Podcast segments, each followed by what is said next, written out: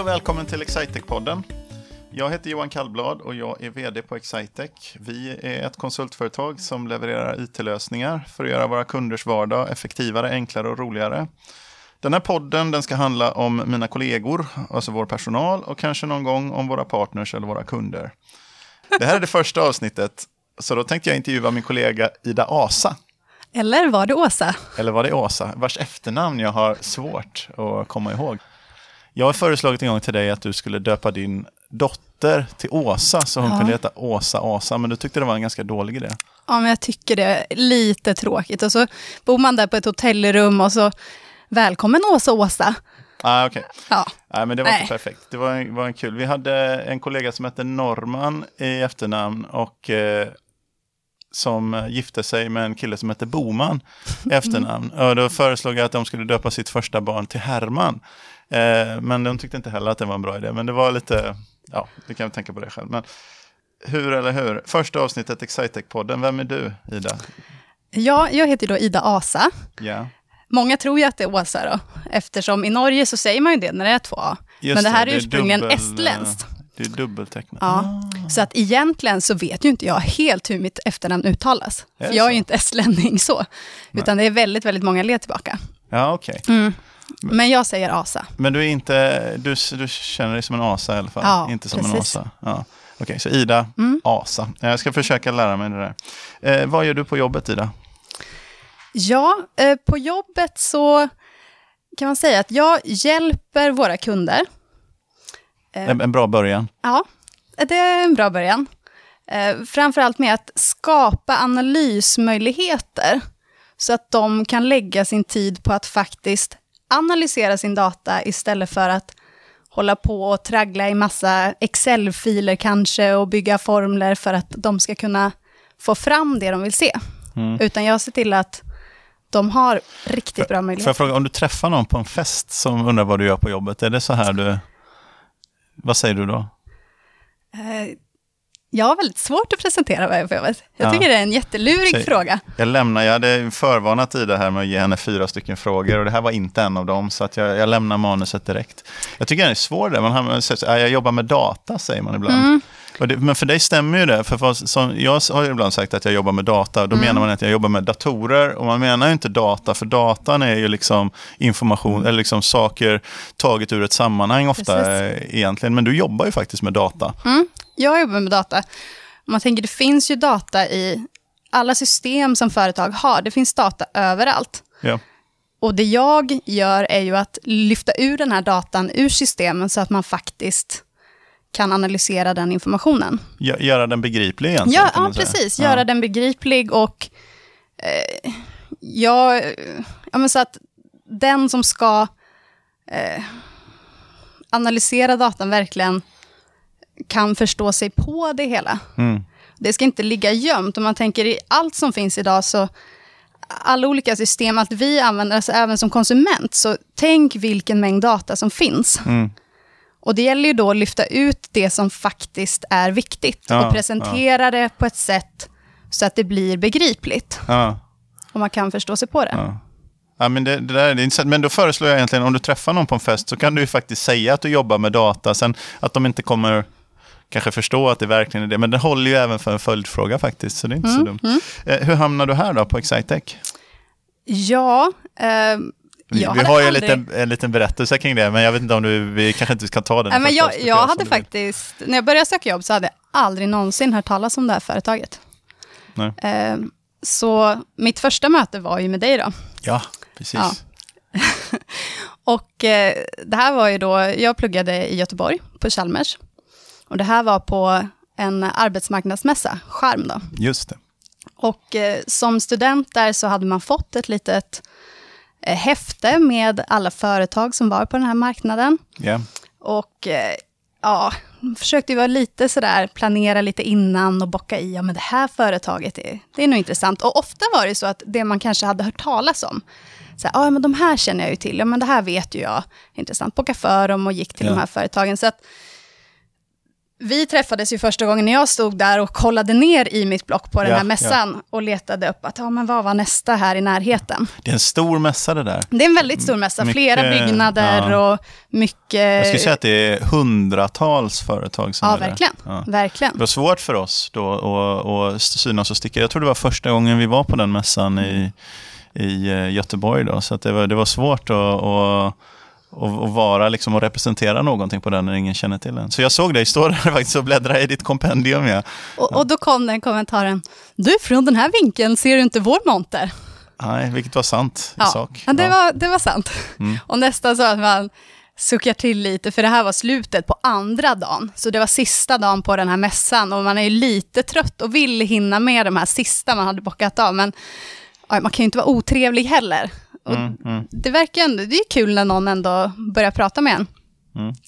Nej, men så jag blev väl fast där i 15 minuter eller någonting, för jag hade bestämt mig klart och tydligt att jag skulle inte bli managementkonsult, Ja, just det. vilket egentligen de flesta som gick eh, samma masterutbildning som mig Vil- Vilken masterutbildning var det du gick? Eh, det var på industriell ekonomi, kvalitets och verksamhetsutveckling. Ja. Och det var väldigt många där som gick just mot managementkonsultrollen. ja, just det. Och där var jag lite så här, nej, jag ska gå tvärt emot och det vill inte jag.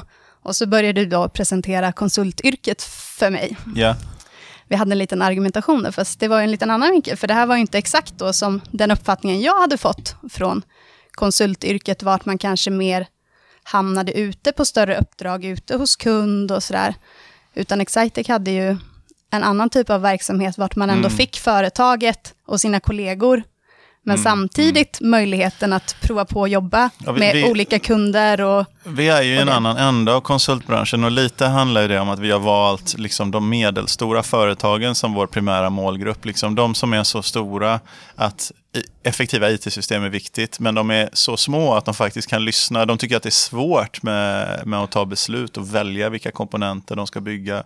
Det är av och de har nytta av vår rådgivning där. Så eftersom de är medelstora, det passar ju inte ofta i projekten att liksom ställa ut ett lag av konsulter i kundens lokaler, utan det blir effektivare att vi eh, jobbar hos oss och man jobbar ofta med flera projekt parallellt och så. Så jag fick vi in lite information om bolaget också. Men eh, okej, så det, det var så du hamnade där. Hur gjorde du sen då när du började? Vad, hur kom du in i, i verksamheten? Jag försöker få dig att berätta om vårt traineeprogram nu, Ida. Jag kopplade inte riktigt där. Nej, jag Tyckte fick det var bra så här, hålla lite business här. Jag fick ju då chansen att börja på Excitec med traineeprogrammet. Och det ska jag säga, det var faktiskt en av de bitarna som jag var ute efter när jag gick på den här arbetsmarknadsmässan. Ja. Jag ville gärna börja på ett traineeprogram vart man fick möjligheten att slussas in i verksamheten på ett snyggt sätt.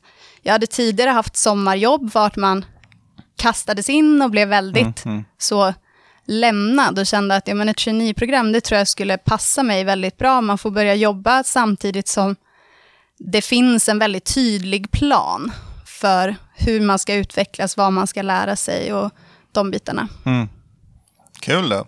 Ja, det var extremt kul. Och också det här, alltså den gemenskapen att börja 14 stycken som vi var Ja. på en och samma gång och verkligen bli ett gäng. För jag hade ju Ja, flyttat till, jag hade flyttat till Nystad från Göteborg till Nässjö, Ja. började pendla till Linköping, så eh, två nya städer på en och samma gång egentligen. Vill, vad, vad gör du, vad, hur hamnade du i Nässjö? Ja, eh, det var en ganska stor kontrast, Göteborg-Nässjö faktiskt. Ja, Eh, Men min sambo spelar basket. Just Och i. Nässjö har de ett elitlag och vi hade tidigare haft distans i fem år Ja, när han spelade upp i Sundsvall, så vi bodde i Göteborg-Sundsvall då. Men du, nu tvingar jag ju dig att berätta om vårt traineeprogram, för det är en sån, det kommer, ju, det kommer hända många gånger under, under den här poddserien som vi hoppas att det här ska bli, för det är en av de sakerna som jag är verkligen stolt över att vi, och som är en viktig central del i vårt eh, kulturbygge här också. Men jag, lov, jag gjorde ju reklam till dig och lovade dig att, eh, att det inte skulle vara så styrt det här, utan vi skulle bara sitta och ha ett samtal. Och då har, eh, har vi en idé om ett stående segment som vi tänkte ha eh, varje gång. Och det heter något så klatschigt som någon berättar om något. Eh, och då, Ida, tänkte jag att du skulle få berätta om något. Vad har du valt för ämne? Eh, Jag har valt ämnet eh, Våga visa sårbarhet. Oj, spännande ämne. Och våga visa sårbarhet. Och vad är det du vill, vad är det du vill säga om det då? Vad är det du vill berätta? Ja, men jag... har väl alltid varit en ganska känslig person. Känslig ja, eller kä- känslosam? Känslosam, alltså eh, känslosam, haft lätt till gråt. Ja. Och det här är, alltså jag kan ju se från min mamma, det kommer direkt från henne. Hon har liksom, eh, ja men bara hon får en fin present eller något, då kommer tårarna direkt. Ja. Alltså hon visar, sin, men hon visar sig sårbar på så sätt, man ska se det som sårbar. Men hon har lätt att gråta och jag har också alltid haft väldigt, väldigt lätt att gråta. Och i många, många år tyckte att det varit väldigt jobbigt. Ja, ja. För att i vissa situationer så har jag känt att jag vill verkligen inte börja gråta. Nej. Och kanske på något sätt försökt att motarbeta det hela tiden. Och det har nästan blivit ännu jobbigare och det kommer Ja. ännu mer än vad man egentligen vill. Vad är det som är jobbigt? Är det just för att man visar sig sårbar, tror du? Att man visar att någonting betyder väldigt mycket för en och Ja. sådär? Eller? Ja. men jag tror det. Och just det här, kanske vad andra förknippar med just gråt. Mm. Att, jaha, ja men du, ja, men, oj, du kan inte behärska dig själv och du är så svag. Just Alltså, det, man nästan, och ja, men och att man ja. känner sig som att, ja, men, oj, du är så svag som börjar gråta och kan inte du kontrollera det där? Och, ja, Mm. Vad tror du är det, det är liksom i vårt samhälle i största allmänhet, är, har vi ett större problem med att folk visar eh, vad de känner om någonting för mycket eller att folk känner någonting och inte visar det? Vilket tror du är det större? ja, det andra, Det är antagligen det, Det tror jag. i Sverige. Absolut. Om vi skulle kunna enas och vara överens om det i, i, eh, i samhället, då kanske det hade varit. För, för jag tycker det är att visa känslor och sådär, eller någonting som man kopplar till en känsla, det är ganska nära ämnet om feedback till exempel. Mm. Man brukar säga att absolut. för ni vet den här feedback-trappan, det är särskilt vanligt för alla som har tonårsbarn som jag har. Då? Du kan säga, då får man öva på, på, på feedback-trappan Ja. ganska mycket. Men, men ehm, eh, för att undvika att fastna i den där defensiva reaktionen mot feedback så är det ofta bra att koppla sin upplevelse till en, en känsla och då våga prata om visum så man inte ligger och bär det där inom sig. Jag tycker att det, det finns liksom, jag ska inte säga att det är samma sak, men det finns ett släktskap mellan ett fint sätt att leverera feedback på, att koppla saker till sina egna känslor, tycker jag. Sen vet du jag vet inte om det var därför du tog upp du vet ju att jag är lite av samma, samma du kan, kan inte nicka på en podcast här. Nej, men jag säger Eh. lite, mm. Ja. Nej, men för det tycker jag också är lite spännande. Om jag, om jag får gå tillbaka till att berätta, för jag skulle Ja. ju berätta någonting. Ja, nu har ju du exakt, pratat exakt. största delen av den här tiden ändå. Då. Ja. Men jag hade ändå en liten tanke om min Något story här. Där, tror jag. Ja. För att det här just kopplat till mitt jobb då, så tycker Ja. jag det är lite spännande att jag var ju på tre intervjuer när, innan jag fick, blev erbjuden jobb här på Excitec. Och eh, redan min första intervju med vår HR-chef Emma, så lyckades ju jag börja gråta för att man skulle berätta om någonting som, ja, någon jobbig situation man hade varit med om. Och Ja. visst, då kan man ju ta någonting som är lite jobbrelaterat, men jag gick väl ut och tog någonting som kanske inte alls var jobbrelaterat och jättejobbigt, som Mm. man verkligen har haft där. Och jag kunde inte hålla tillbaka tårarna. Så där sitter man på en intervju, man är lite nervös också, så det är ännu lättare att börja gråta nästan. Ja, ja, Och liksom, ja, nu har jag varit på en intervju och jag har gråtit framför HR-chefen. ja. Det kändes ju sådär. För då, då kände Ja. jag lite så här att, ja, ja, jag blottar verkligen mig själv. Mm. Jag visade precis vem jag var, men det var väldigt... Jag, jag hade Ja. outat mig själv Ja. och visat mig sårbar så. Eh, och det var lite läskigt. Och även på min eh, eh, andra intervju så grät jag också. Okej. Så på två av tre intervjuer ja. eh, grät jag. Och jag blev erbjuden jobbet. Så då kändes det ju väldigt bra, för jag hade ju visat vem jag var och öppnat upp mig själv och ändå blev jag erbjuden jobb. Så att. Det var ju väldigt... Du blev erbjuden ett jobb trots den du var. Alltså, ja. Eller kanske tack vare den Ja, eller vet? kanske tack ja. vare. Och det är nog så man ska se på det. Att Mm. Man måste ju på något sätt våga öppna upp sig och våga visa vem man är. Mm. Eh, och det är ju samma sak det här att ja, men, eh, man är intresserad av eh, någon annan, alltså rent så här relationsmässigt, att åh vad spännande, den här killen nu, så här. Mm. Då är det så lätt att man kanske inte vågar säga vad man känner och tycker, och nej men vad ska den personen Mm. Mm. tycka, men vågar man aldrig göra det, då kanske kanske man har visat för lite och man kanske inte har visat vem man själv Nej. är och då är det svårt att förstå sig på varandra. Mm. Det är ju en viktig del om man säger som arbetsgivare liksom, i rekryteringsprocessen, det här med att försöka hitta, att verkligen genuint försöka hitta människor som man tror kommer trivas. För vi investerar ju sen ganska mycket i de här traineeprogrammen och det vore ju eh, väldigt olika. Det handlar inte bara om kapacitet eller det handlar speciellt när man anställer liksom en, någon som har läst någon mastersprogram i industriell ekonomi på Chalmers. Deras kapacitet är det sällan något fel på. Va? Utan det handlar om mm. att försöka hitta människor som man tror kommer trivas ett tag. För att, eh, även rent för, dels för att det är roligast att jobba med människor som trivs, men också rent företagsekonomiskt så, blir det ju, så är det ett vansinne att ta in liksom, talangfulla människor om de inte sen kommer trivas och må bra i, i miljön. Då. Så, Nej, så det är vår rekommendation idag egentligen.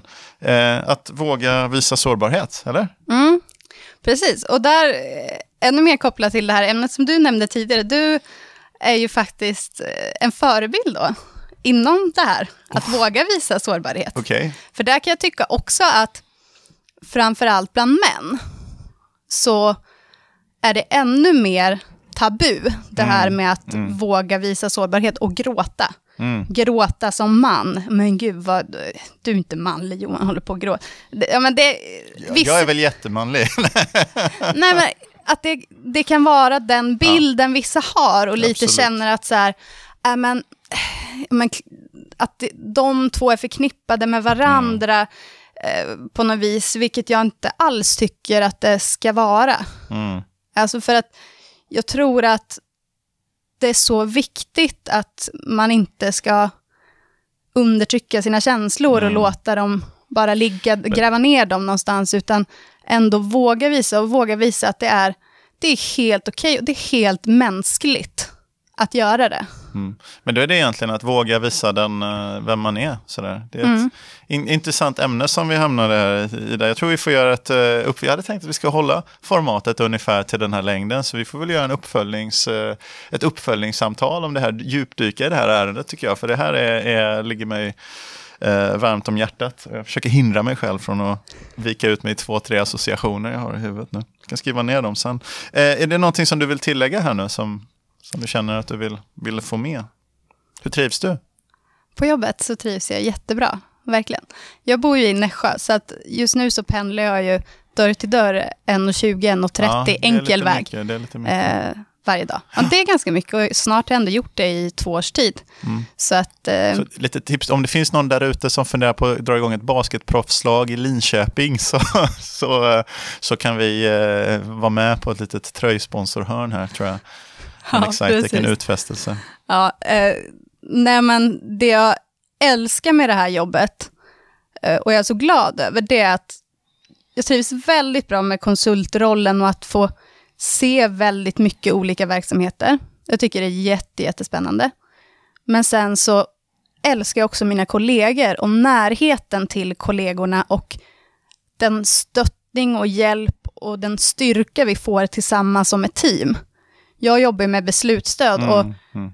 utan mina kollegor på beslutsstöd hade jag inte varit så himla mycket. Men tillsammans så kompletterar vi varandra på ett oerhört bra sätt. Vilken oerhört snygg avslutning tycker jag det blev på det här första avsnittet av vår nya Excitec-podden. För det är ju oss det ska handla om egentligen eh, och vilka vi är. Så jättestort tack för att du tog dig tid Ida och komma in och prata lite grann om mig idag. Tack själv Johan. Ja. Tack så mycket. Tack.